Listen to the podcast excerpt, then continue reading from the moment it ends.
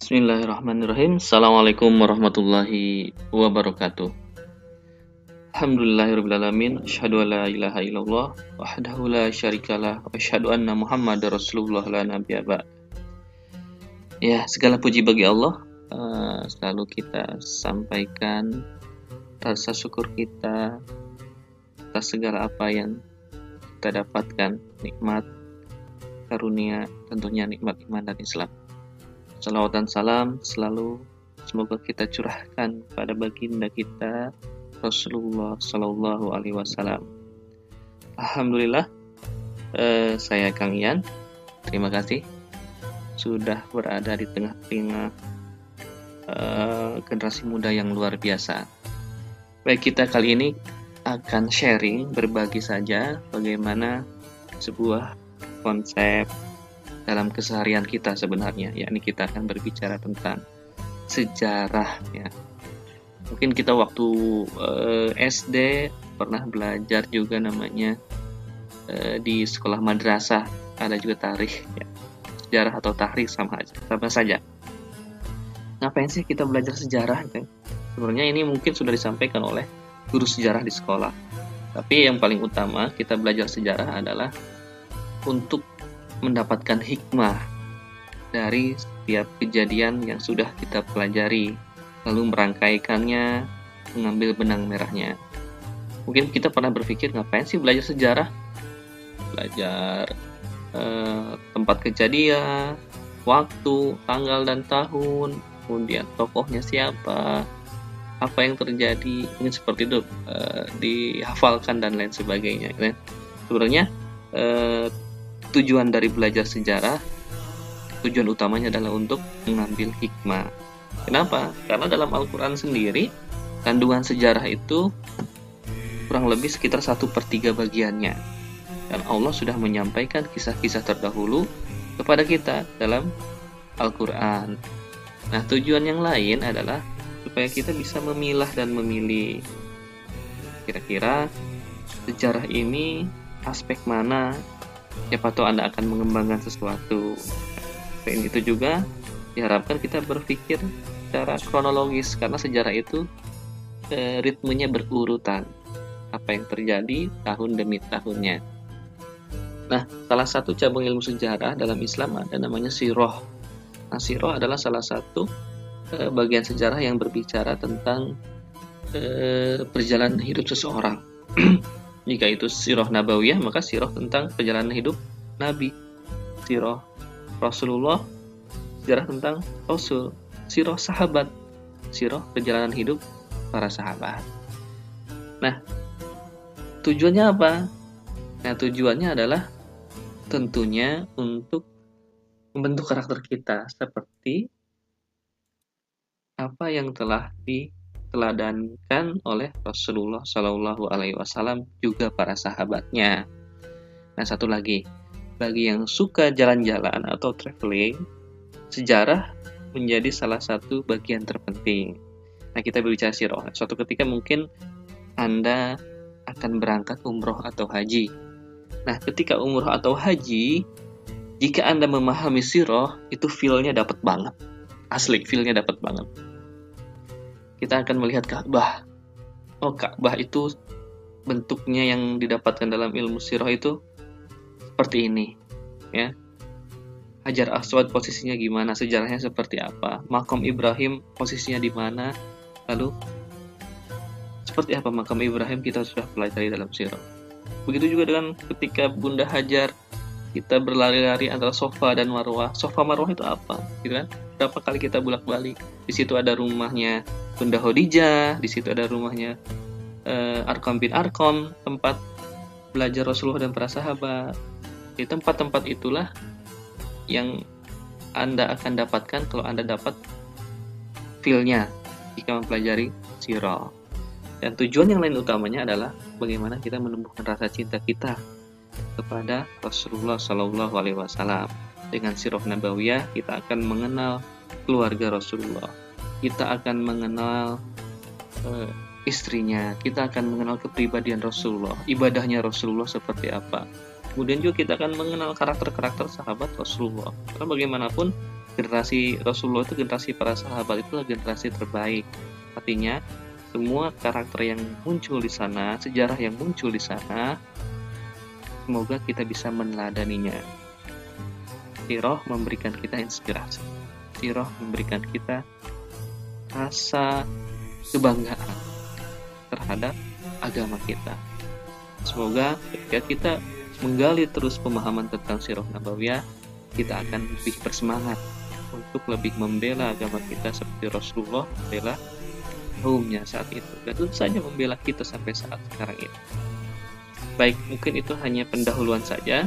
Semoga eh, di slide berikutnya kita akan lebih sharing lagi. Tetap semangat. Slide berikut.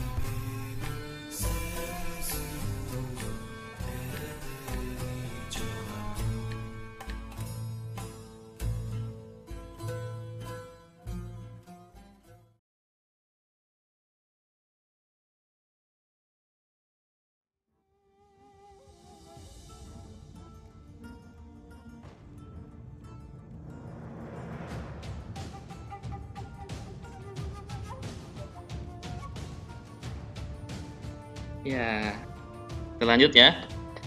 Baik, eh, kakak teteh yang dirahmati Allah, yang disayangi Allah. Eh, di file gambar itu ada sebuah peta. Nah, peta ini adalah salah satu bagian dari ilmu geografi tentunya. Karena memang eh, sejarah itu berkaitan ke mana-mana ya, sangat berkaitan ke dalam kehidupan manusia itu sendiri. Ke geografi, ke sosiologi, ke arkeolog arkeologi. Ke ah ke mana-mana. Termasuk nanti juga ketika skripsi latar belakang masalah. Nah, itu juga sejarah juga. Baik eh, kakak teteh yang dirahmati Allah eh, peta ini adalah salah satu peta istimewa karena sengaja dibuat eh, oleh para ahli sejarah untuk Eh, mengkondis untuk melihat kondisi sebaran penduduk bumi pada sebuah zaman. Nah, peta ini eh, ditujukan kepada sebuah eh, rentang waktu ketika bumi masih benar-benar hijau, benar-benar masih baru. Kurang lebih dari titik Nabi Adam itu seribu tahun. Jadi masih manusia masih sedikit sekali bagian atas ini mewakili wilayah utara ya. dan peta ke bawah ini mewakili peta bumi bagian selatan. Mungkin nggak seperti sekarang ya peta oh, se globe sebesar peta besar. Kita bisa melihat kondisi semua uh, peta seutuhnya gitu ya. Nah zaman ini adalah ketika hadirnya dakwah Nabi Nuh alaihi salam. Kurang lebih sekitar 950 tahun Nabi Nuh menyampaikan risalah dakwahnya kepada umatnya agar tetap mengikuti tauhid.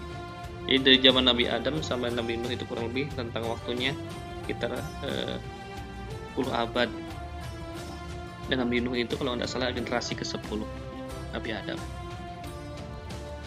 Nah, dari panjang dakwahnya selama 950 tahun yang mengikutinya, yang menjadi pengikutnya itu hitungan sedikit sekali hitungannya. Kurang lebih ada yang menyatakan sampai 80 orang, gitu kan? 80 orang saja. Keluarganya yang ikut itu pun hanya hitung jari ada ada tiga anaknya. Jadi eh, Nabi Nuh itu punya lima anak ya. Anak yang pertama itu sudah meninggal duluan sebelum ada dakwah risalah Nabi Nuh. Kemudian Tem, Ham, Yafid dan yang terakhir kita kenal Kanan. Nama aslinya itu Yem namanya Yam. Cuma yang terakhir ini tidak tidak mau ikut dakwah bapaknya nggak mau ikut risalah Allah. Ya dia ikut menjadi bagian kaum yang uh, membangkang akhirnya kaum tersebut Allah musnahkan nah Nabi Nuh akhirnya mendapat perintah oleh Allah perintah dari Allah itu untuk membuat bahtera. Nah, bahtera inilah yang nanti akan menyelamatkan kaumnya dari bencana yang luar biasa, banjir besar yang menutupi nyaris uh, seluruh bumi ya, ya saking besarnya. Akhirnya setelah mereda, bahtera ini berlabuh ya. Setelah airnya surut, sekian tahun surut, berlabuh. Ada yang menyatakan berlabuhnya di e, wilayah Irak. E, ada yang menyatakan di Bukit Judi. Ya. Ada yang menyampaikan ahli sejarah itu berlabuh di pegunungan Ararat. Ararat itu e, kalau nggak salah itu berada di wilayah Turki. Jadi kalau suatu ketika kakak teteh jadi traveler ya itu bisa bermain untuk mencari di mana tempat berlabuhnya Nabi eh, Bahtera Nabi Nuh. Nah, dari keturunannya ya dan kaumnya Nabi Nuh kan harus membagi nih karena kaum Nabi Nuh itu udah nggak ada semua, udah habis, udah udah disapu oleh banjir besar. Akhirnya memberikan sebuah warisan. Ini warisannya gede banget ya warisan bumi ya untuk melanjutkan eh, apa keberlangsungan hidup manusia itu sendiri nah Ham itu eh, mewarisi wilayah benua Afrika sekarang ya. dari sanalah eh, muncul seperti bangsa Nubia ya kemudian eh, bangsa Habsi Habasyah Ethiopia sekarang ya, di mana nanti eh, Bilal bin Rabah radhiyallahu an kemudian kakaknya Hufaira kemudian juga Wahsy ya terkenal juga ada Raja Najasi itu wilayah sana ya. memang sebagian besar eh, kulitnya berwarna gelap. Tapi yang untuk wilayah Maroko, Aljazair, Mesir itu cenderung memang putih kulitnya ya, bangsa Berber. Nah, itu untuk wilayah yang di mewarisi Hem ya. Kemudian Yafid. Nah, Yafid ini Nabi Allah Nuh mewariskan wilayah ke atas, wilayah utara. Ya, Yafid itu bangsa yang kita kenal mungkin seperti bangsa uh, Viking lah ya. Kemudian bangsa-bangsa Turki ya, bangsa Slovenia bangsa Arya Jermani kan. Ya, tinggi besar hidungnya mancung putih bola matanya ya, warnanya biru hijau gitu ya. Nah ini bangsa-bangsa Yafidik berasal dari wilayah yang sekarang menempati wilayah uh, Eropa ke atas. Nah, kemudian uh, siapa yang belum? Ah, Sam. Nah, Sam ini menempati mewarisi bumi wilayah yang kita kenal Timur Tengah sekarang. Nah, dari Sam ini maka muncul bangsa-bangsa yang kita kenal. Dalam Al-Quran ada bangsa kaum Ad ya, kaumnya uh, Nabi Hud siapa pemimpin kaumnya kaumnya itu salah satu anaknya Sam itu ada namanya Iram nah kaumnya Ed ini Iram ini dia tinggi besar e, gunung-gunung aja dipahat berikan bangunan-bangunan bangunannya luar biasa dari gunung di gunung yang dipahat tapi ya begitu. Ya ingat sejarahnya zaman dulu bahwa bangsa dari kaum Nabi Nuh itu dimusnahkan. Allah nggak mau ngikut menyembah Allah menyembah patung nah, kaum Ad juga seperti itu ya, akhirnya dimusnahkan Allah juga. Kemudian ada juga bangsa Sodom. Sama ya. Ingkar terhadap Allah ya dimusnahkan juga. Ada juga di sana juga mungkin kita mengenal eh, kaum Saba wilayah Yaman ya. Dan juga Babilonia Irak ya. Apalagi ya ya bangsa-bangsa Arab tentunya secara umum itu menempati wilayah Timur Tengah. Nah, disebut juga wilayah Sam, ya. wilayah Sem itu kita kenal ada Jordan kemudian Palestina eh, apalagi di sana? Ada eh, Damaskus ya Syria.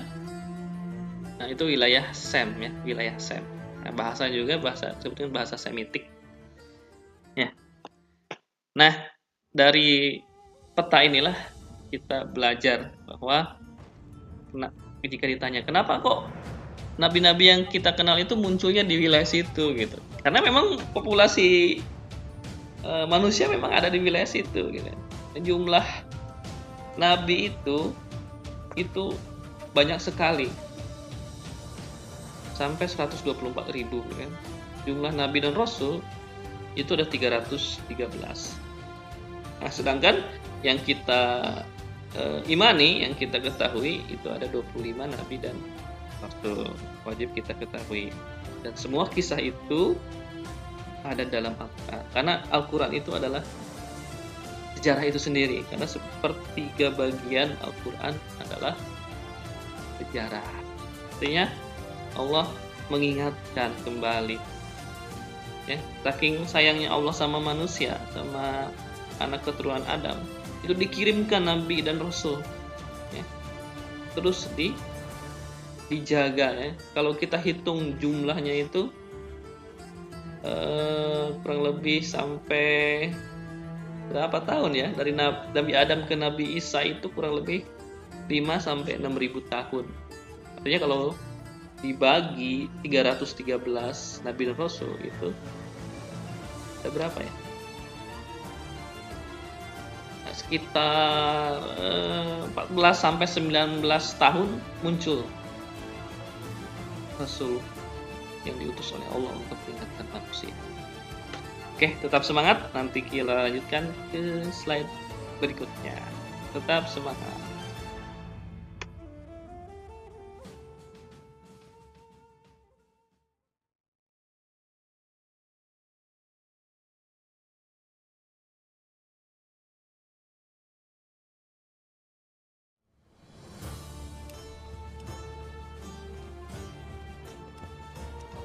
Ya, kakak teteh yang dirahmati Allah, kita lanjut lagi ya. Nah, gambar berikut ini adalah gambar silsilah e, Nabi dan Rasul yang kita ketahui jumlahnya 25. Nah, tadi sebelumnya disampaikan jalur dari Nabi Nuh ya. Nabi Nuh itu Nabi lanjut ke fase yang kedua itu Nabi Ibrahim karena Nabi Ibrahim ini adalah ayahnya para nabi. Nah, kita lihat nasabnya masuk ke jalur Nabi Allah Ismail. Nah, dari Nabi Allah Ismail ini eh, masuk ke jalur Nabi kita tercinta baginda Muhammad Rasulullah Sallallahu Alaihi Wasallam. Jika secara nasab eh, jauh ya eh, dari Nabi Allah Muhammad bin Abdullah, Abdullah bin Abdul Muttalib, Abdullah bin Hashim, Hashim bin Abu Manaf, Abu Manaf bin Usai bin Kila bin Murah bin Ka'ab bin Lu'ay bin Talib bin Fihir. Nah, Fihir ini adalah uh, nama lainnya adalah Quraisy. Jadi suku Quraisy yang dari Mekah ini jalurnya dari Fihir. Kemudian Fihir bin Malik bin Nador bin Kinana bin Khuzaimah bin Mudrika bin Ilyas bin Mudor bin Nizar bin Ma'ad bin Adnan bin Udad bin Mukawama bin Nahur bin Tuqah bin Yarud Yasjub bin Nabi bin Ismail. Nah, nyambung ke Nabi Ibrahim. Dari Nabi Ibrahim, bin bin Nahur bin Saru bin Ra'u bin Falih bin Aibir bin Salih bin Afkashad bin Sam. Baru Sam bin Nuh. Jadi nyambung ke jalurnya Nabi Nuh. Nah, di fase berikutnya dari Nabi Nuh itu masuk ke seribu tahun ke fasenya Nabiullah Ibrahim. Nah, di sinilah titik eh, pusat peradaban eh, apa Mekah saat itu mulai mulai muncul ketika eh, mendapat wahyu Nabiullah Ibrahim untuk meninggalkan istrinya Bunda Hajar dan Ismail Nabiullah Ismail kecil ditinggalkan di wilayah yang gersang. Dari sana muncullah ibadah yang kita dapatkan di haji ya yaitu sa'i. Jadi Bunda Hajar itu bagaimana berupaya berusaha ingin mencari air minum buat anaknya buat uh, Nabiullah Ismail antara Sofa dan Marwah. Bolak balik sampai tujuh kali kan itu prosesnya. Jadi sebenarnya Bunda Hajar itu kalau masih sanggup untuk melanjutkan sampai 8, 9, 10 kali kalau masih sanggup beliau akan lakukan begitulah cara merayu Allah pembuktian cinta seorang Bunda Hajar kepada Allah pembuktian yang sedemikian rupa meraih Allah supaya diberikan air. Tapi lihat ketika melakukan itu antara sofa Marwah ditemukan air di antara itu enggak?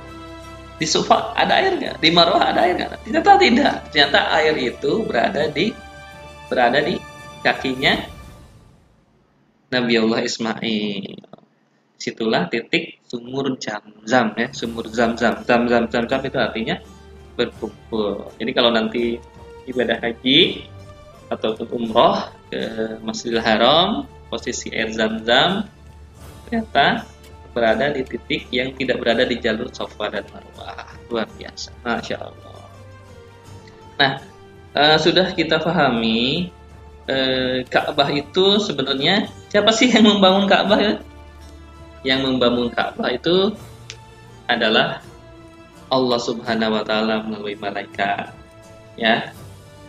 Jika kita bertanya kok Ka'bah emang kapan munculnya ya? Ka'bah itu kapan munculnya? Ka'bah itu munculnya itu semenjak sebelum Nabi Adam. Artinya sengaja dibuat Allah untuk menjadi tempat ibadah di dalam surat Al Imran ayat e, 96 bisa disampaikan sesungguhnya rumah ibadah pertama yang dibangun untuk manusia ialah Baitullah yang di Bakah atau Mekah yang diberkahi dan menjadi petunjuk bagi seluruh alam. Ma, karena kondisinya eh, zaman Nabi Nuh itu banjir, akhirnya Ka'bah itu rusak roboh nah, akhirnya di zaman Nabi Ibrahim melalui wahyu menugaskan Nabi Ibrahim untuk membangun kembali nah, membangun kembali dengan kondisi ya seperti itu yang sudah tidak kelihatan lagi. Maka dibangunlah kembali Ka'bah pada saat Nabi Ibrahim. Nah setelah selesai membangun Ka'bah ya kan di situ akhirnya muncul apa Hijr Ismail makam Ibrahim ketika Nabi Ibrahim eh, membangun pijakan kakinya telapak kakinya bisa terlihat. Jadi ketika nanti tawaf kakak teteh kalau ke bisa melihat ya, makam Ibrahim ditutup ya kelihatan tapaknya Nabi Ibrahim kemudian Hijr Ismail yang bentuknya melingkar itu sebenarnya bagian dari Ka'bah nah Nabi Ibrahim setelah menyelesaikan tugasnya meminta sama Allah. Di surat Al-Baqarah ayat 29 mungkin bisa dibuka ya. E, di situ disampaikan, Ya Tuhan kami, utuslah di tengah mereka seorang rasul dari kalangan mereka sendiri. Jadi Nabi Ibrahim meminta nanti utuslah orang rasul dari kalangan mereka sendiri yang ada di sekitar Ka'bah. Ya, yang akan membacakan kepada mereka ayat-ayatmu menyampaikan risalah Allah dan mengajarkan kitab dan hikmah kepada mereka dan menyucikan mereka. Sungguh Allah yang maha perkasa, maha bijaksana. Luar biasa. Itu doa Nabi Ibrahim. Terkabul nggak? Kira-kira eh, siapa yang diangkat menjadi rasul di sekitaran Ka'bah? Ya, Beliau adalah Rasul kita tercinta, Rasul Shallallahu Alaihi Wasallam. Nah, kakak teteh yang dirahmati Allah, sebenarnya perjalanan sejarah tentang Ka'bah itu cukup eh, apa, cukup panjang sekali, seiring dengan perjalanan sejarah manusia itu sendiri. Jadi bisa berkelindah. Mungkin kita pernah dengar juga eh, kita sejarahnya ya bahwa eh, Tentu saja eh, ini menjadi sebuah hikmah bagi kita semua. Ka'bah itu sebenarnya bangunan Allah yang dijadikan sebagai tempat ibadah. Ya. Nah, Ka'bah itu pernah juga kebanjiran. Ya. Itu sekitar uh, usia Rasulullah di 35 jadi 5 tahun sebelum bisa sebelum turunnya wahyu pertama. Akhirnya bahkan sampai apa namanya? Uh, batu hitam Hajar Aswad itu sampai terus dipindahkan kembali ya. Jadi dinding-dinding Ka'bah yang dibangun Nabiullah Ibrahim dan Ismail yang di atas fondasi aslinya yang turut rubuh itu ya. Jadi pernah rubuh juga ya, akhirnya dipugar saat itu oleh Al Walid bin Al Mughirah bapaknya Khalid bin Walid saat itu memimpin Bani Maksum di mana pembangunan rumah uh, rumah suci ini meminta orang-orang Quraisy untuk mengumpulkan harta harta halal mereka gitu. uh, apa Eh, susah sekali karena uh, saat itu kondisinya ya kondisi jahiliyah terus ya tipu-tipu, uh, riba, penjualan barang haram, miras, judi, pelacuran dan bahkan sebagainya jadi sulit sekali untuk mengumpulkan harta halal. Ya, walau yang pasti Ka'bah dipugar setelah pasca keruntuhan banjir itu ya. Akibatnya eh, Ka'bah yang dibangun oleh dipimpin oleh Al Walid bin Mughirah ini karena mungkin apa kondisi keuangan yang susah harus mencari harta halal bagaimana Allah alam. Jadi Ka'bahnya itu menjadi lebih kecil. Saya Ka'bahnya menjadi lebih kecil. Karena apa? Eh, yaitu mungkin kurang pendanaan atau seperti apa. Ka'bah menjadi lebih kecil dibandingkan aslinya ketika dibangun oleh Nabi Allah Ibrahim dan Ismail saat dulu. Nah, Hijri Ismail yang semula berposisinya di dalam Ka'bah sekarang berada di luar. Jadi Hijri Ismail yang bentuknya bulat setengah lingkaran yang ada di posisinya di luar itu sebenarnya itu bagian dari Ka'bah. Ya. Nah, bahkan untuk mengembalikan Hajar Aswad sendiri itu ketika mau dipasang itu bisa nyaris apa ya, menimbulkan pertumpahan darah. Andai saja Al Amin Rasulullah kita Rasulullah SAW tidak menjadi peng, penga, pengandil yang ditaati ya. Akhirnya suku-suku Quraisy memegang kain ya. Rasulullah menyimpan Hajar Aswad di tengah-tengah semua pimpinan suku untuk membawanya bareng-bareng luar biasa itu ya cerdas Nah selanjutnya pintu pun ditinggikan. Nah pintu Ka'bah yang sekarang itu ditinggikan karena kebanjiran saat Eh, pintunya ditinggikan dan uh, akhirnya yang mengatur siapa yang masuk dan tidak boleh masuk itu ya, pimpinan-pimpinan Quraisy itu. Nah sebenarnya uh, Rasulullah itu ketika melihat kondisi seperti itu pernah menyampaikan uh, apa ya sebuah hadis saat itu disampaikan kepada Aisyah radhiyallahu istrinya tercinta. Beliau menyampaikan e, kalaulah bukan karena kaummu baru saja meninggalkan kesyirikan niscaya aku perintahkan untuk membongkar dan meratakan Ka'bah serta membangunnya kembali di atas dasar asasan fondasi yang dibina Nabiullah Ibrahim alaihissalam. Kemudian pintunya aku buat menjadi sejajar dengan tanah. Setelah dulu kaummu meninggikannya dan membatasi siapa yang boleh masuk ke dalamnya. Dan aku akan membuat dua pintu baginya, pintu sebelah timur dan pintu sebelah barat. Lalu akan aku tambahkan untuk Ka'bah dari Hijri Ismail sebanyak enam hasta, karena sesungguhnya mereka mengurangi di saat membangunnya.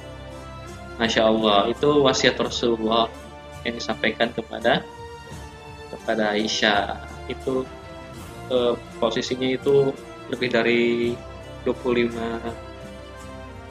25 tahun setelah kejadian kalau nggak salah ya perempat abad.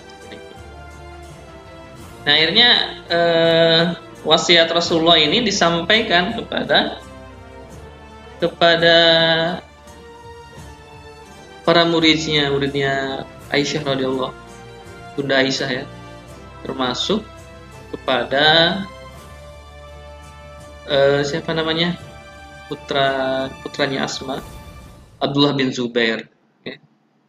rupanya Zubair bin Awam punya anak punya Abdullah bin Zubair. Ya Abdullah bin Zubair ini uh, salah satu uh, yang diangkat menjadi khalifah di Mekah peninggal Muawiyah bin Abi Sofyan. Di posisinya itu pasca Khalifah Rasidin ya. Nah akhirnya apa yang terjadi ya? kondisi politik juga ya karena Muawiyah bin Abi Sofyan menunjuk Yazid eh, sebagai penggantinya di Sam karena ada anggapan tidak sah maka untuk wilayah Makkah eh, dipegang oleh Abdullah bin Zubair ya eh, Abdullah bin Zubair ini akhirnya merombak Ka'bah sesuai hadis yang disampaikan Ibunda Aisyah. Maka Ka'bah kembali ke bentuk balok, bukan lagi kubus. Ya, sekarang kan kubus nih. Sebelumnya adalah balok, sebelum lagi kubus. Ya. Sebelumnya pada saat Nabi Ibrahim balok. Nah sejarah berlanjut tentang Ka'bah ini ya masih panjang ternyata. Uh, roda sejarah kemudian saat Abdul Malik bin Marwan yang memerintah di Damaskus menginginkan persatuan kembali kaum muslimin di bawah satu khalifah Pilihannya pahit memang menyingkirkan Abdullah bin Zubair kan. Kemudian akhirnya dari Irak Gubernur Al-Hajjaj Yusuf As-Sakofi menyanggupi tugas itu dengan bersemangat dengan gembira pasukannya mengepung Masjid Haram. Menzanik-menzanik pelontar batu lagi-lagi merubuhkan Ka'bah. Ya, Abdullah bin Zubair gugur syahid bersama kurang lebih 120 ribu lainnya Al-Hajjaj ini yang disampaikan dalam mimpinya Umar bin Abdul Aziz yang menyampaikan semua diizinkan mengkisosnya di akhirat. Masya Allah ya, Al-Hajjaj tak sudi membangun kembali Ka'bah yang seperti buatan dari Abdullah bin Zubair. Meski dikatakan berulang kali bahwa itu wasiat Rasulullah tetap saja. Akhirnya dia membangun kembali seperti apa yang dibuat oleh orang-orang Quraisy sebelumnya. Nah, di masa Abbasiyah, Khalifah Harun ar-Rasyid dari eh, Baghdad akhirnya menghadap Imam Malik. Wahai Imam, sekiranya ku bangun kembali Ka'bah sesuai binaan Ibrahim dan wasiat Rasulullah dan sesuai bangunan paman kami Abdullah bin Zubair. Apakah harus dibongkar kembali? Minta sama Imam Malik. Kemudian Imam Malik menjawab dengan berat. Jangan lakukan itu, hai Amirul Mukminin. Kenapa? Karena kata Imam Malik, aku khawatir setelahmu nanti datang penguasa lain yang sama, gitu kan, membencimu, lalu dia merobohkan Ka'bahmu dan bangun lagi berbeda. Lalu datang lagi yang lain dan seterus-terusnya. Aku takut Baitullah itu akan menjadi permainan politik, permainan para penguasa. Jadi biarkan seperti itu agar tidak makin berkurang atau hilang wibawanya di dalam hati manusia. Nah, apa yang disampaikan Imam Malik itu ditaati oleh Khalifah Harun al-Rasyid. Maka jadilah Ka'bah itu seperti hari ini yang dibangun oleh Al-Hajjaj sesuai bangunan Al-Walid bin Mulkiroh juga pada saat masa Rasulullah sebelum pisah. Ya. Jadi uh, kondisinya seperti itu.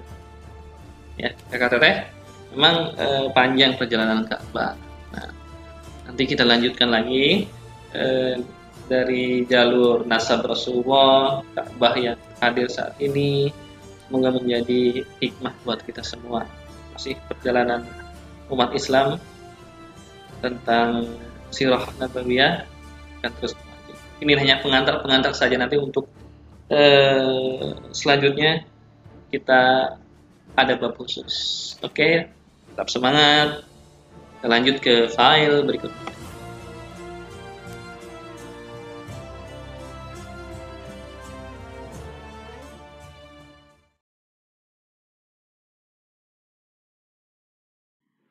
Ya, KKTN ya, inspirasi rocklista. Sambil lanjut, kita akan mendengarkan sebuah nasib dari Rehan ya. Bagaimana dari timing kelahiran Rasulullah SAW. Selamat mendengarkan. Mama.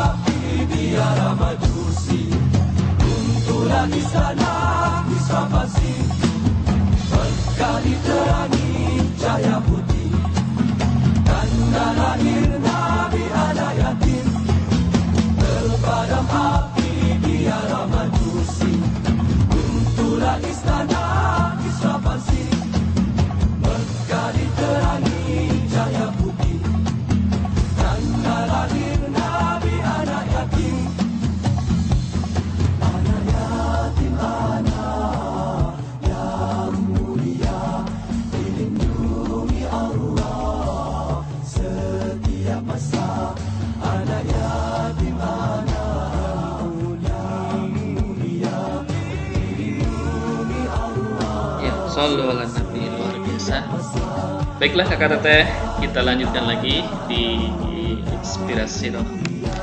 Kita akan lanjut ke masa-masa kelahiran Rasulullah. Sudah kita dengarkan bahwa beliau adalah anak yatim, anak yang ditinggalkan oleh ayahnya, yang ditinggalkan pula oleh bundanya.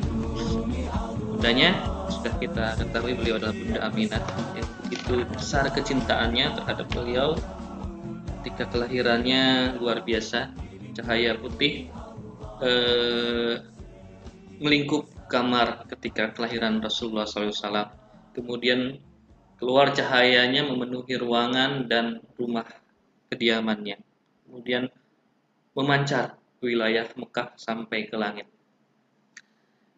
Baik kakak teteh yang dirahmati Allah, Rasulullah lahir pada tahun 571 Masehi, jika perhitungannya Masehi. Tetapi perhitungan orang-orang Quraisy, orang-orang orang-orang orang-orang uh, Mekah saat itu uh, mereka tidak mengetahui numerasi angka tahun. Jadi uh, di paskannya itu ditentukannya itu adalah ketika peristiwa yang terjadi pada tahun tersebut tahun apa gitu ya. Jadi Rasulullah Muhammad SAW dilahirkan pada tahun gajah.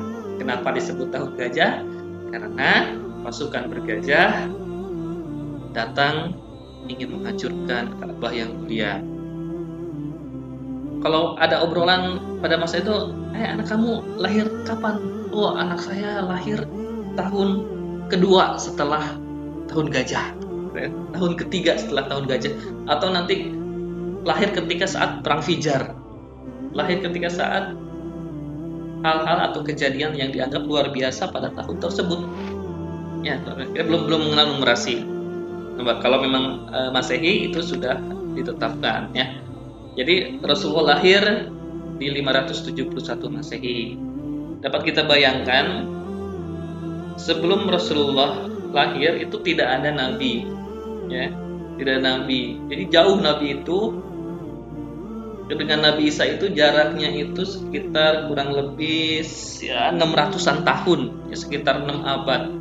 Masa ini disebut dengan masa fatrah masa kekosongan risalah, masa kekosongan wahyu, tidak ada utusan yang diutus oleh Allah Subhanahu wa taala untuk manusia.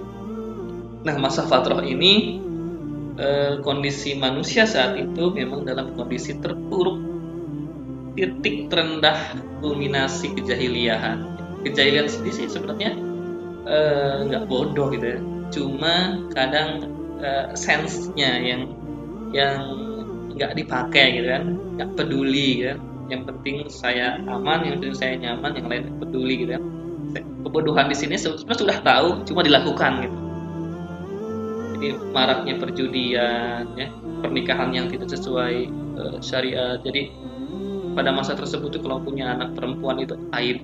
Jadi banyak sekali perempuan yang dibunuh yang dikubur hidup-hidup kan kemudian uh, prostitusi kemudian anak bisa menikahi ibunya. Jadi ayahnya meninggal bisa diwariskan tuh ibunya tuh ke anaknya. Wah kacau banget ya. Yang namanya hamil yang namanya judi wah udah udah berbak kacau. Apalagi permasalahan sir ya mas permasalahan eh, berhala-berhala yang bertebaran di mana-mana. Ini membuat kacau balau kondisi penghambaan manusia ya.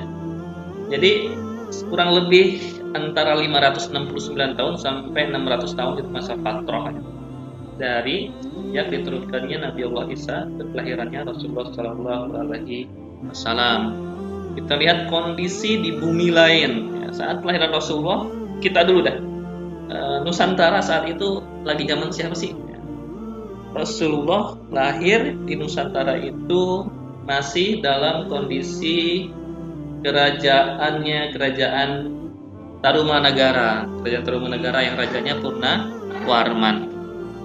Sebelumnya kita ketahui kalau di wilayah Banten, wilayah Pandeglang khususnya itu berdiri eh, tahun eh, pertama itu satu masa itu kurang lebih Negara sudah berdiri. Kemudian di tahun 570-an ini sudah beralih ke Tarumanagara. Nah, kemudian kita lihat di ke atas sedikit ke wilayah Cina itu kondisinya kepemimpinan oleh dinasti Sui. Dinasti Sui dinasti Tang, dinasti Song, ya dinasti Sui. Jadi agamanya itu agama Buddha. Kalau di Tarumanagara itu Hindu ya. Kemudian kita ke Afrika, Afrika itu uh, masih dipimpin oleh Raja Najasyi. Sebagian Yaman itu wilayah uh, Abasi juga. Kemudian uh, untuk keyakinannya keyakinan Ibrahim, Ibrahimi ya, tauhid ya. Kemudian untuk Romawi saat itu rajanya Raja Heraklius Tani. Kemudian di Persia juga sudah berdiri. Kemudian di bangsa Arab, nah, bangsa Arab ini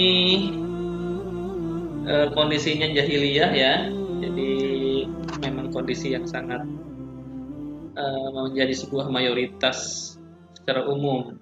Adapun agama tauhid itu ya, yang ada ya Warokah bin Naufal, kan? kemudian Buhaira. Nah, bagaimana dengan ayah bundanya Rasulullah? Bunda Minah, kemudian bapaknya Abdullah, ayahnya Abdullah, kemudian kakeknya Abdul Muthalib itu masih memegang teguh ajaran tauhid.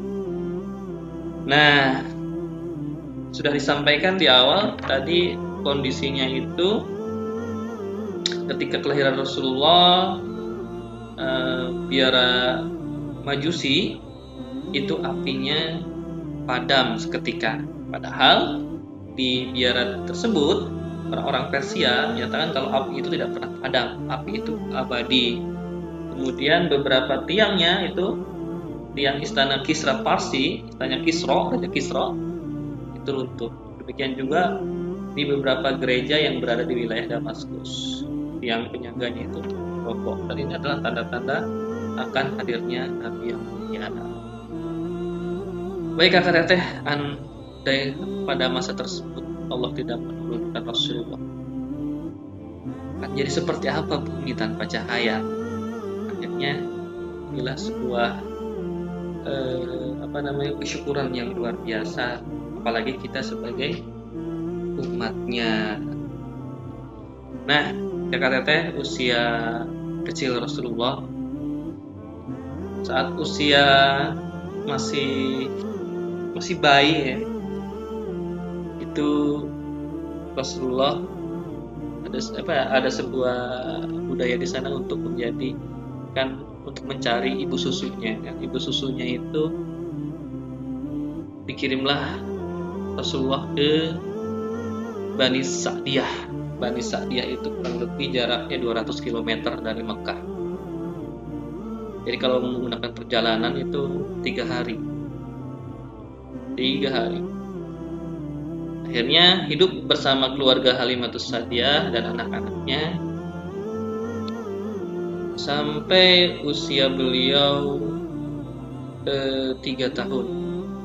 Kemudian, ya, kemudian dikembalikan lagi kepada Aminah untuk melihat kondisi Rasulullah saat itu. Wah, pasti rindu banget ini.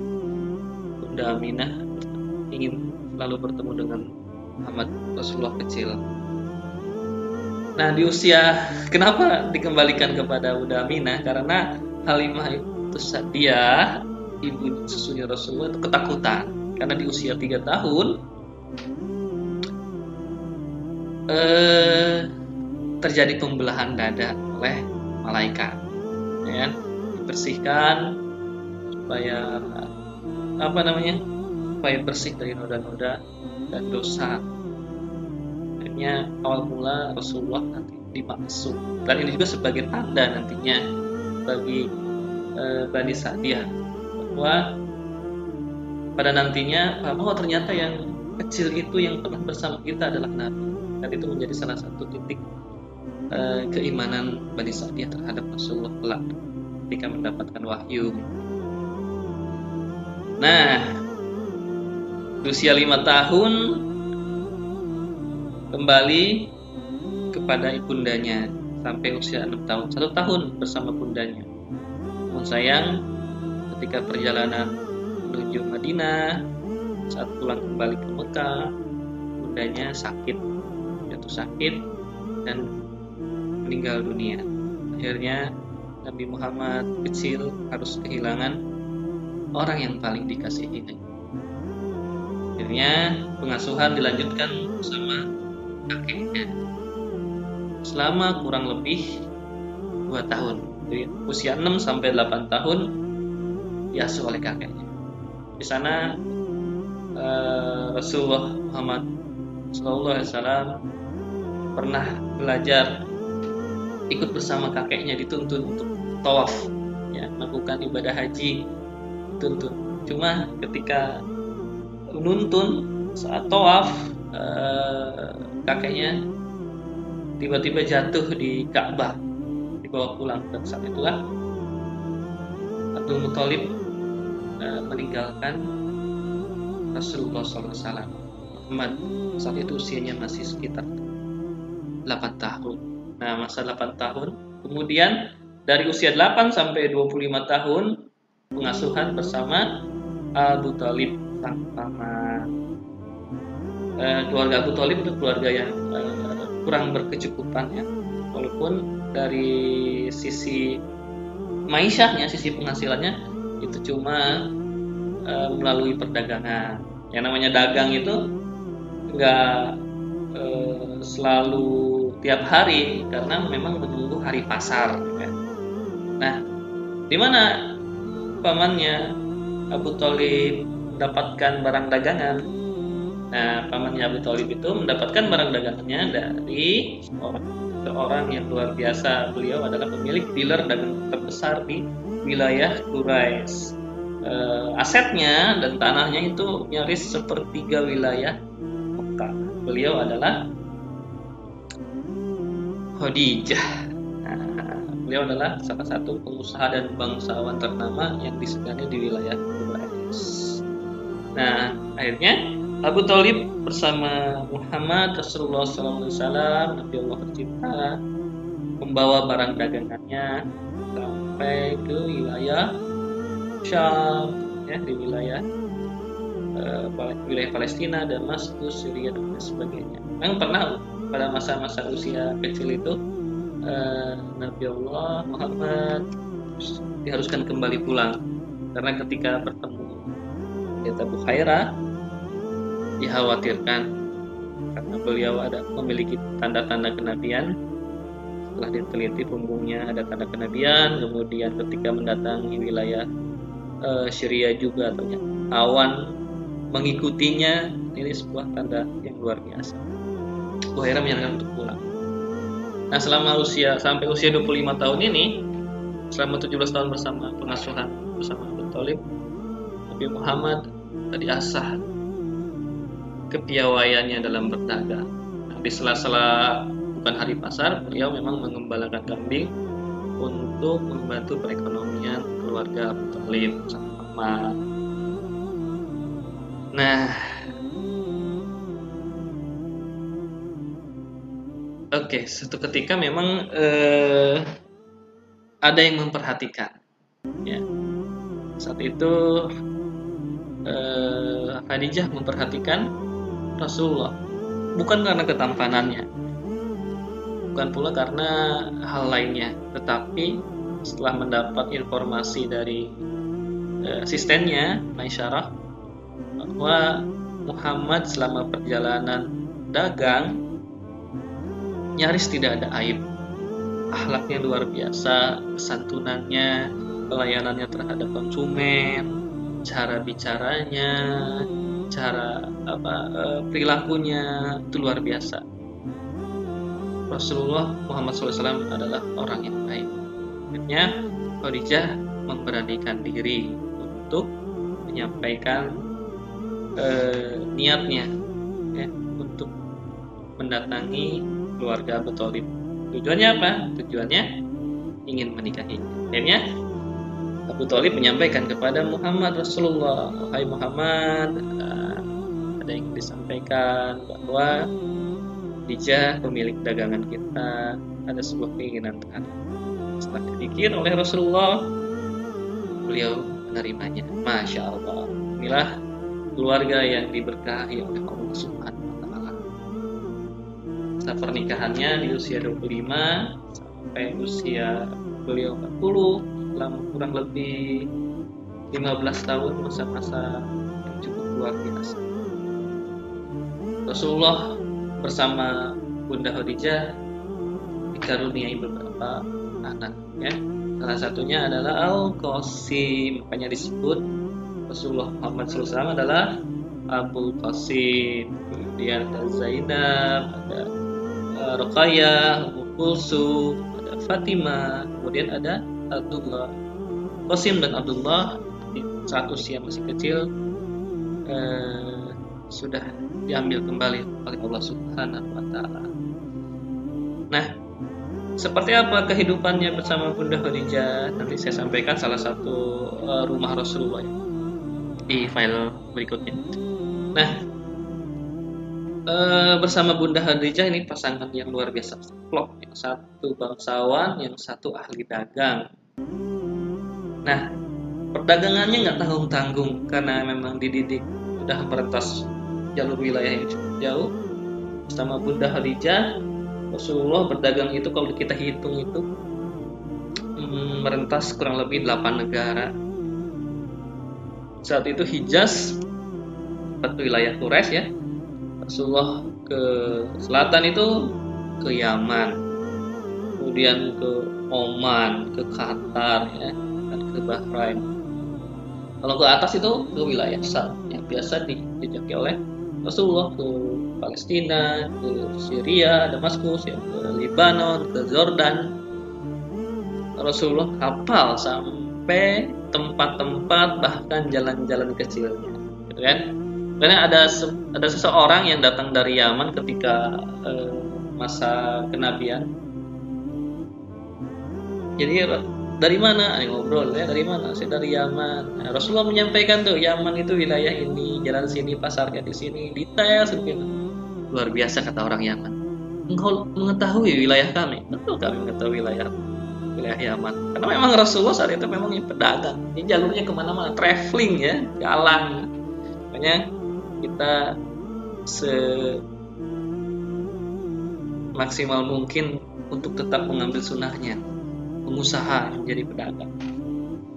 Ya, sallallahu Nabi. Baik kakak teteh yang dirahmati Allah, betapa luar biasanya keluarga yang penuh cahaya ini. Dari sinilah betapa Rasulullah memikirkan, ya, memikirkan bagaimana kondisi umat. Karena di masa usia 38, 39, dan 40 setiap Ramadan malamnya itu Rasulullah pasti akan ke Gua Hiro beruzlah ya menyendiri berpikir meminta kepada Allah apa yang harus dilakukan berdoa ya kan? Karena kondisi umat yang cukup luar biasa ya kan? Penyembahan terhadap berhala-berhala ya. Uh, akhlak yang enggak dijunjung tinggi ya.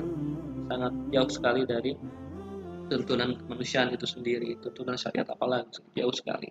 38, 39 dan 40 nah di masa-masa inilah uh, Rasulullah merenung. Dan di usia yang ke-40 Rasulullah mendapatkan sebuah titik di mana ketika Allah Subhanahu wa taala mengutus Jibril untuk memberikan wahyu yang pertama. Luar biasa Rasulullah sampai menunggu tiga tahun untuk mendapatkan uh, informasi langsung dari Allah ini makanya Allah ingin melihat dulu ini bener nggak gitu serius nggak selama tiga tahun seperti itu? Jadi buat kita nggak usah takut lah minta saja sama Allah. Allah pasti kabulkan ya Allah akan memberikan jalan yang terbaik ya masalah Baik, uh, file ini dicukupkan sampai sini. Nanti kita lanjutkan di masa-masa kenabian. Ya. Baik kakak teteh, inspirasi listener. Kita lanjut ya setelah ini.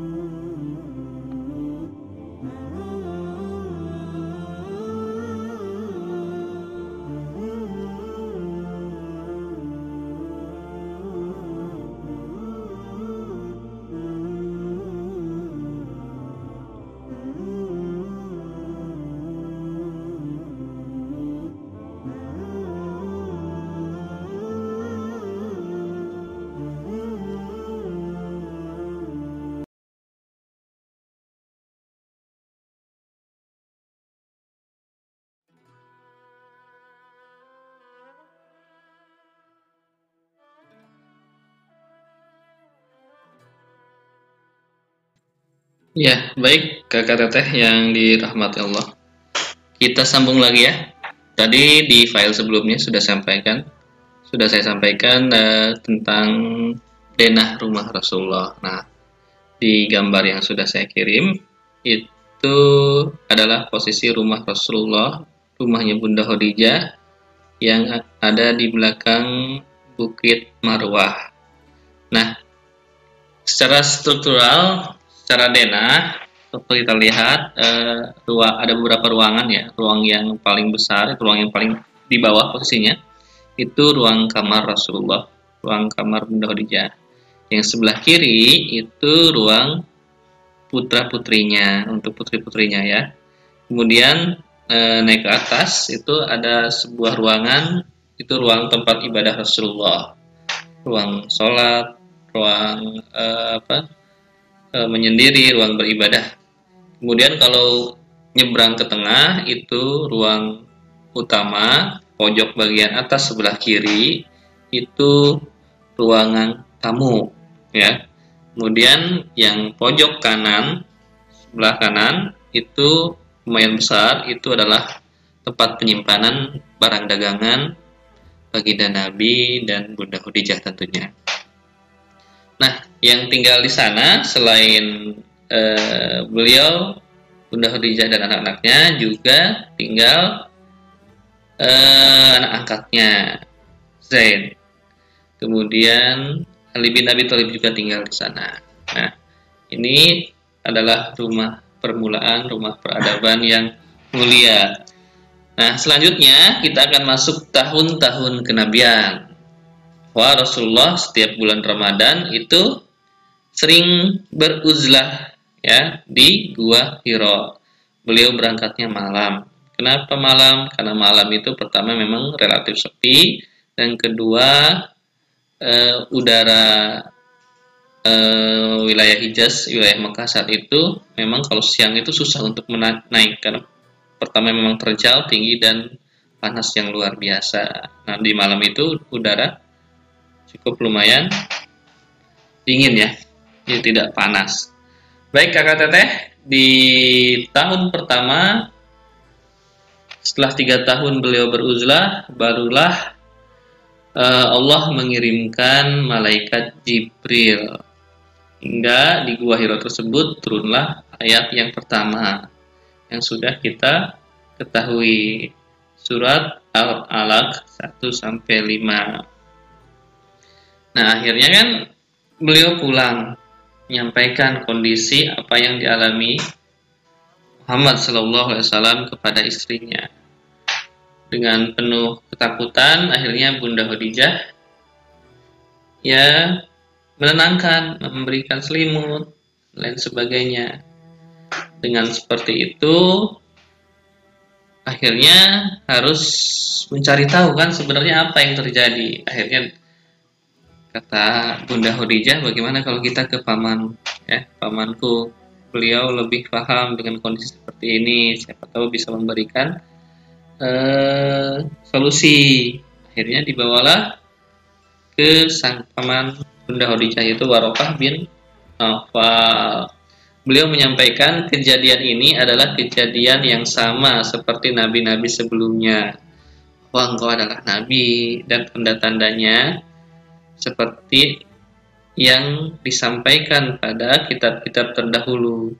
Jadi dulu itu malaikat Jibril dikenal dengan nama Namus. Malaikat Jibril lah yang datang kepada seluruh nabi untuk menyampaikan wahyu dari Allah. Nah, Warokah menyampaikan suatu ketika nanti engkau akan diusir oleh kaummu Ya jika engkau nabi, maka engkau akan diusir nantinya. Yang kedua, jika saya masih hidup, saya akan menjadi pembelamu. Begitu kata Warokah bin Aufal. Usianya sudah lanjut banget, lanjut usia banget ya, udah sepuh. Nah, selang beberapa bulan, gitu kan, ya Nabi masih sendiri, gitu kan, masih dengan keluarganya, baru mendapatkan wahyu dari Allah gitu ya. Siapa yang pertama kali disampaikan? yaitu Bunda Khadijah. Apalagi di enam bulan berikutnya beliau menerima wahyu berikutnya. Jadi ada kekosongan enam bulan. Di enam bulan berikutnya beliau mendapatkan turun kembali malaikat Jibril membawa surat Al-Mudathir. Ya ayuhal mudathir kum fa'angzir ya. Dan selanjutnya. Artinya di bulan tersebut di saat tersebut Rasulullah mendapat perintah untuk menyampaikan dakwahnya. Kepada siapa dakwah pertama kali disampaikan? Tentu saja yang pertama kali disampaikan tentu saja kepada Bunda Khadijah. Yang kedua disampaikan kepada Zaid bin Harithah anak angkatnya dan tentu saja kepada Ali bin Abi Thalib. Jadi yang pertama kali menerima dakwah Islam adalah orang internal, jadi keluarga sendiri. Artinya dakwah itu memang harus bermula dari keluarga dulu. Nah dari keluarga itulah kan, kan menjadi fondasinya. Yang selanjutnya siapa berikutnya yang menjadi asabi kunal awalun? Nah dari eksternal kalangan keluar keluarga tentu saja yang menerima pertama kali adalah sahabat sendiri sahabat Rasulullah Sallallahu Alaihi Wasallam yaitu Abu Bakar Nah, dari Abu Bakar ini beliau mengajak sahabat yang lain seperti Utsman bin Affan, ya, Zubair bin Awam, Abdurrahman bin Auf, Sa'ad bin Abi Waqqas, Tohah bin Ubaidillah ya. Jadi Abu Bakar ini yang memiliki nama asli Utsman bin Abu Kuhafah atau ada yang menyebutkan Abdullah bin Abu Kuhafah mengajak satu, dua, tiga, empat, lima orang jadi di tahun pertama ada sembilan orang yang masuk Islam. Jika kita lihat ya, Abu Bakar itu membawa Utsman usianya 35. Abdurrahman bin Auf saat itu usia 30. Sedangkan Abu Bakar sendiri usianya lebih muda dari Rasulullah 2 tahun, usia 38 tahun. Ya. Jadi satu, dua, Abu Bakar, tiga. Tiga orang dewasa. Ya. Kemudian Zubair, uh, Sa'ad bin Abi Waqqas, Toha, itu seumuran usianya dengan Ali bin Abi Thalib ya sekitar 10 11 tahun, 9 10 11 tahun 1 2 3 4 anak-anak, 3 dewasa ya. Kemudian 4 dewasa ya, kemudian Bunda Khadijah, satu perempuan yang luar biasa. Nah, kita lanjut di tahun berikutnya, tahun kedua. Tahun kedua itu masuklah Abu Ubaidah bin Jarrah, Abu Salama, Arqam bin Abil Arqam. Sampai dengan 30 sahabat bergabung. Fase ini memang fasenya masih sembunyi-sembunyi. Belum ada perintah untuk menyampaikan secara terang-terangan. Kenapa? Ini memang perintah Allah. Yang kedua memang e, strategi Rasulullah untuk menguatkan keluarga, sahabat dan orang-orang terdekat. Di tahun-tahun pertama sampai tahun kedua ini e, dakwah utamanya adalah memang dakwah untuk keluarga dan e, kerabat, ya. Nah, akhirnya semakin banyak kan sudah sampai di tahun kedua sudah sampai 30 orang 30 sahabat bergabung artinya Rasulullah harus memiliki tempat untuk menyampaikan risalah untuk e, tempat belajar mengajar tempat untuk e, menyampaikan ilmu tentang dasar-dasar keislaman. Akhirnya ditunjuklah sebuah tempat yang lebih e, e, tertutup itu di rumah Arqam bin Abi Arqam. Nah, di tempatnya itu adalah tempat berseberangan dari rumah e, Rasulullah. Jadi ada di Bukit Sofa, di belakang Bukit Sofa, sedikit tertutup.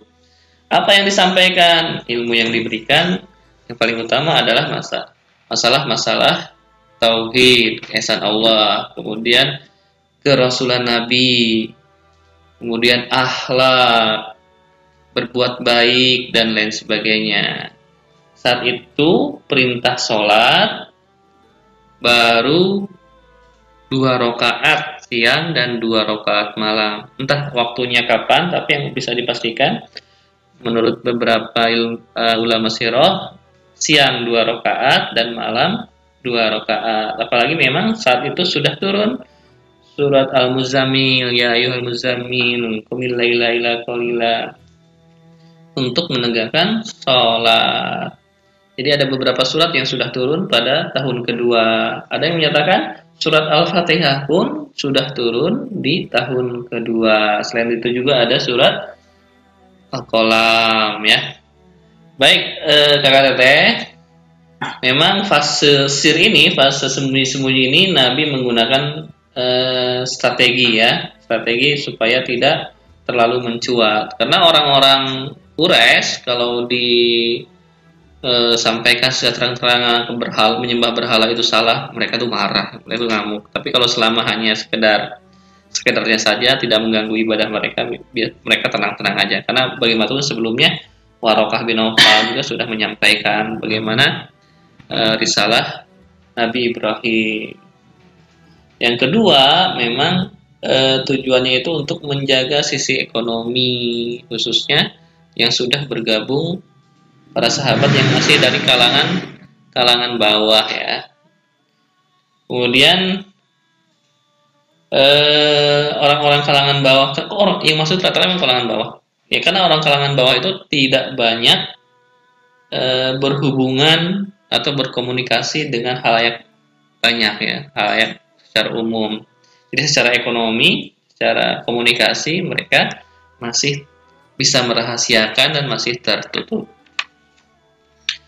Nah, di tahun ketiga jumlah sahabat itu sudah semakin banyak ya, hanya empat, uh, menambah kurang lebih jadi tambah 40 orang.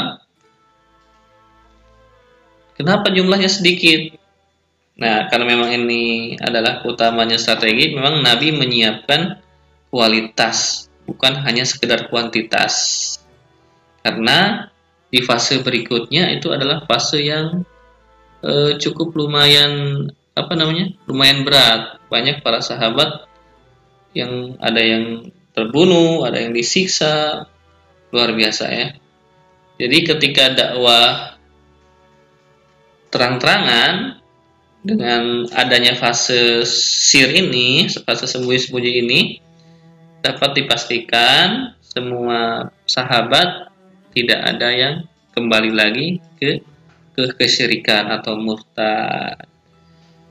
Sampailah akhirnya eh, turun perintah Allah surat Asy-Syu'ara eh, ayat 214. Nabi akhirnya perintah Allahnya untuk memanggil, mengundang eh, keluarga-keluarga terdekat untuk bergabung dengan e, Islam. Akhirnya Nabi mengundang kurang lebih 40 keluarga dari Bani Hashim dan Bani Muthalib untuk uh, ya ya, makan bareng lah bersama-sama. Setelah makan bareng, Rasulullah menyampaikan konsep tauhid. Nah, sebagian besar memang uh, ada yang nggak uh, menerima, ada yang kesel, intinya seperti itu. Tapi saat itu Rasulullah sudah menyampaikan perintah Allah. Hingga akhirnya turun surat Al-Hijr 94 untuk dakwah terang-terangan. Ini perintah Allah untuk terang-terangan. Akhirnya Nabi eh, naik ke Bukit Sofa mengumpulkan penduduk-penduduk Mekah ya, menyampaikan kepada halayak kaum Quraisy secara umum kalau perintah Allah untuk kembali ke jalan Allah, untuk meninggalkan berhala-berhala, meninggalkan kesyirikan, dan menyampaikan kalau Nabi Muhammad itu adalah Nabi terakhir, Nabi yang menyampaikan risalah Allah. Ya, karena sebelumnya memang Rasulullah sudah menyampaikan di bukit tersebut Wahai penduduk Mekah, apakah kalian percaya jika di belakang apa di belakang bukit ini akan datang pasukan yang akan menyerbu Mekah? Mereka mengatakan, "Ya, kami percaya." Mereka percaya karena selama ini Rasulullah itu digelar Al-Amin. Jadi nggak mungkin bohong. Lalu bagaimana? Nah saat itu Rasul menyampaikan kalau uh, saya adalah nabi yang diutus oleh Allah untuk menyampaikan risalah-risalahnya. Nah saat itu kan wow mulai heboh ya terang-terangan Rasulullah menyampaikan risalah Allah sampai-sampai pamannya sendiri mencercanya ya meng apa namanya melawannya hingga akhirnya turun surat Al-Lahab. Baik kakak teh yang dirahmati Allah, di tahun-tahun berikutnya, di tahun keempat, tahun kelima itu akhirnya penyiksaan demi penyiksaan kaum muslimin secara terang-terangan menentang berhala. Maka orang-orang Quraisy yang saat itu masih dalam kesyirikan akhirnya ya konfrontasi tidak menerima dakwah Rasulullah. Karena apa? Karena berhalanya diganggu ya. Jadi kalau berhalanya ibadahnya diganggu baru orang-orang Quraisy itu kafir Quraisy musyrik Quraisy itu mengganggu balik bahkan sampai menyiksa. Nah, mereka menyiksa itu nggak kejam-kejam ya. Jadi ada aturan adat di di apa di Kures itu jika terjadi pembunuhan antar suku itu bisa menyebabkan terjadi perang. Apabila si pelakunya itu tidak diserahkan ke suku korban ya. Artinya jika tidak bisa diserahkan bah, repot bisa terjadi perang antar kabilah nah akhirnya apa akhirnya masing-masing misalnya Rasulullah maka diganggunya sama keluarga sendiri. Abu Bakar diganggu sama uh, sukunya sendiri. Utsman diganggu oleh sukunya sendiri. Itu untuk orang-orang yang sahabat yang memiliki latar belakang uh, suku ya, memiliki marga, memiliki kebangsawanan. Tetapi kalau bagi orang-orang yang tidak memiliki hamba sahaya, budak itu disiksa oleh tuannya.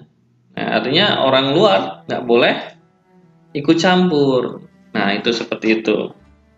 Nah, sudah disampaikan sebelumnya, maka Nabi itu diganggu sama Abu Lahab ya. Enggak tanggung-tanggung ganggunya, sering uh, sering ya bikin kejahilan yang luar biasa.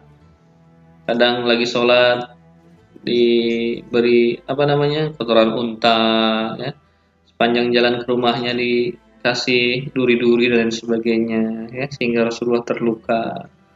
Atau bahkan eh, yang terjadi pada Utsman bin Affan radhiyallahu an dia diganggunya disiksanya itu oleh pamannya. Utsman bin Affan itu sampai digulung dengan tikar ya digulung dengan tikar sampai bilang mau kembali lagi ke ajaran nenek moyang Utsman kokoh Utsman kuat? Nggak bisa lah. Saya sudah mencintai Allah dan Rasulnya. Nah saking marahnya pamannya yang bernama Al-Hakam itu uh, diangkat tuh uh, tik, gulungan tikar tersebut yang di dalamnya ada Utsman bin Affan. Di bawahnya dibuatkan bara api yang menyala hingga tikarnya itu terbakar bahkan Utsman sampai terbatuk-batuk oleh asapnya. Nah, bagaimana dengan Abu Bakar? Sama Abu Bakar juga diganggu oleh dari golongan Bani Taim. Nah, Nah, yang memang sungguh e, duka itu bagi Bilal bin Rabah ya, yang disiksa oleh tuannya gitu kan sampai e, direntangkan di gurun pasir. Khabab bin Aras ada yang menyampaikan e, sejarawan itu dia sampai di setrika ya kan. Bahkan sampai diguling-gulingkan di atas bara api yang menyala. Sampai baraknya tersebut padam oleh tubuhnya Khabab ya. Melepuh daging-dagingnya. Khabab tetap teguh dalam pendirian Islam. Allah dan Rasulnya lebih dicintai. Demikian juga seperti eh, apa namanya? Hamba sahaya yang lain ya. Nah semuanya eh, dibebaskan tuh dibeli sama Abu Bakar untuk dimerdekakan nah jumlah sahabat di tahun keempat ini sampai kurang lebih sekitar 80 orang ya. Makin disiksa, makin tersebar, eh banyak juga yang menerima Islam. Di tahun kelima juga masih duka. Nah, di sana juga ada kisah Zinira. Zinira ini adalah salah satu hamba sahaya juga miliknya eh, siapa? Umar ya. Sampai eh, kedua matanya itu buta, dibutakan oleh Abu Jahal. Di tahun kelima juga keluarga Yasir ya, Sumayyah dan Yasir. Sumayyah eh, tetap teguh dalam pendiriannya hingga beliau menjadi syahadah pertama. Syahidah pertama dalam sejarah Islam, Sumayyah. Kemudian disusul oleh syahid berikutnya, suaminya, Yasir. Ya. Tinggallah Ammar seorang diri. Sampai Rasulullah itu menangis ketika melihat kondisi seperti itu. Baik, eh, kakak teteh yang dirahmati Allah, bukan hanya saja penyiksaan secara fisik ya pada para sahabat, juga dilakukan cara psikologis yang luar biasa ya, tekanan psikologis. Salah satunya itu Ruqayyah dan Ummu Kulsum, putra putri Nabi Shallallahu Alaihi Wasallam itu diceraikan ya oleh Utbah dan Utaibah. Utbah dan Utaibah ini memang adalah anak dari Abu Lahab, pamannya sendiri, nyuruh pada anaknya untuk menceraikan Ruqayyah dan Ummu Kulsum.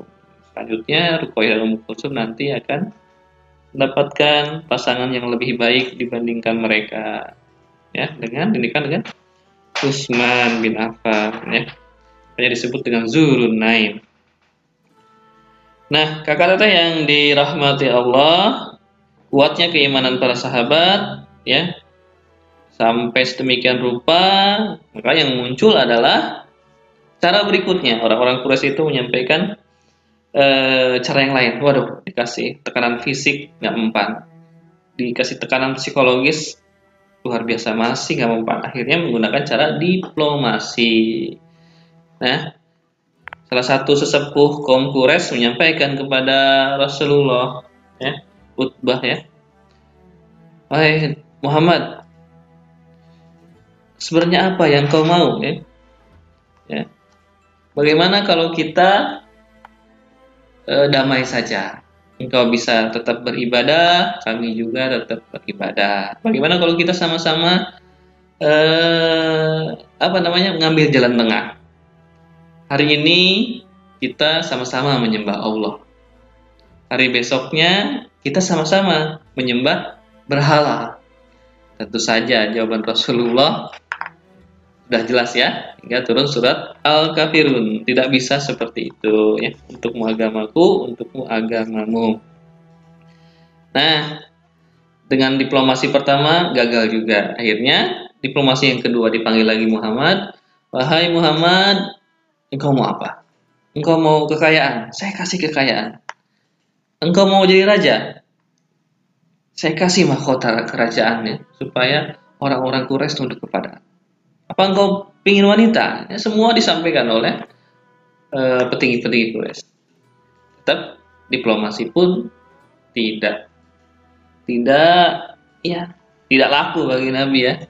Ah, tetap karena namanya risalah Allah itu tidak bisa dicampur adukan apalagi dengan niatan-niatan yang seperti itu ya tahun kelima penyiksaan terus berlanjut masih duka ya demikian juga di tahun keenam di tahun keenam ini eh, Rasulullah sampai mengalami penyiksaan yang luar biasa nah saat disiksa oleh Abu Jahal ada yang menyampaikan kepada pamannya Hamzah. Wahai Hamzah, itu keponakanmu lagi disiksa. Oleh siapa? Oh, sana oleh Abu Jahal.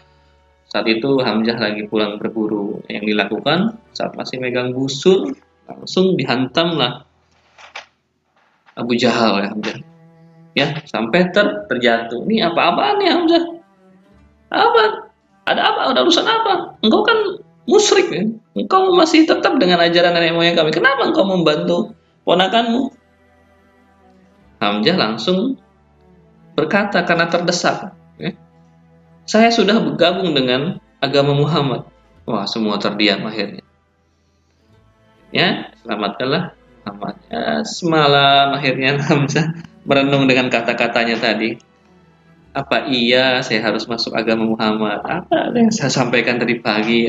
Kejadian apa yang membuat seperti akhirnya ternyata itulah hidayah Allah. Akhirnya uh, besok paginya mengetuk pintu Rasulullah. Hai Muhammad, dengan ini saya menyatakan asyhadu alla ilaha illallah wa asyhadu annaka Muhammad Rasulullah. Luar biasa, Masya Allah. Dan di tahun ini pula, Umar bin Khattab selang tiga hari masuk Islam setelah Hamzah. Masya Allah ya. Akhirnya Rasulullah pernah menyampaikan kepada Allah untuk e, meminta dua Umar untuk agama ini. Ternyata mungkin Umar saat itu Rasulullah e, meminta dua Umar ada Umar bin Hisham dan Umar bin Khattab. Tapi yang masuk adalah lebih dari itu. Umar bin Khattab dan Hamzah. Masya Allah. Dengan datangnya dua sahabat yang mulia yang gagah perkasa ini step demi step langkah dakwah Rasulullah mulai terjaga tidak ada lagi begitu banyak penyiksaan karena ada Hamzah ada Umar yang menjaganya kalau lihat tubuh Umar itu luar biasa ada yang menyampaikan kalau naik kuda Umar kakinya masih nempel ke tanah saking tingginya saking tinggi besarnya luar biasa Baik kakak teteh yang dirahmati Allah, cara yang dilakukan oleh kaum Quraisy terus menerus seperti itu, penyiksaan, psikologis, diplomasi gagal. Akhirnya muncullah sebuah cara bagaimana untuk menghentikan dakwah Rasulullah. Akhirnya orang-orang Quraisy mengambil sebuah siasat ya politik untuk menyerahkan Muhammad kepada petinggi kaum Quraisy. Tentu saja pimpinan uh, suku Bani Hashim Abu Talib menolaknya. Saya tidak akan menyerahkan keponakanku, kata Abu Talib. Baik, ya, kalau tidak menyerahkan keponakanmu, maka kami akan melakukan pemboikotan kaummu tidak boleh berkomunikasi dengan kami, tidak boleh melakukan perdagangan dengan kami, dan tidak boleh melakukan hubungan apa pun. Jika ada hubungan pernikahan, maka kami akan ceraikan. Masya Allah, kurang lebih tiga tahun lamanya dari tahun ke-7, tahun ke-8 sampai tahun ke-9. Rasulullah bersama Bani Hashim dan uh, adiknya Mutalib, Bani Mutalib itu eh, di apa namanya di boykot.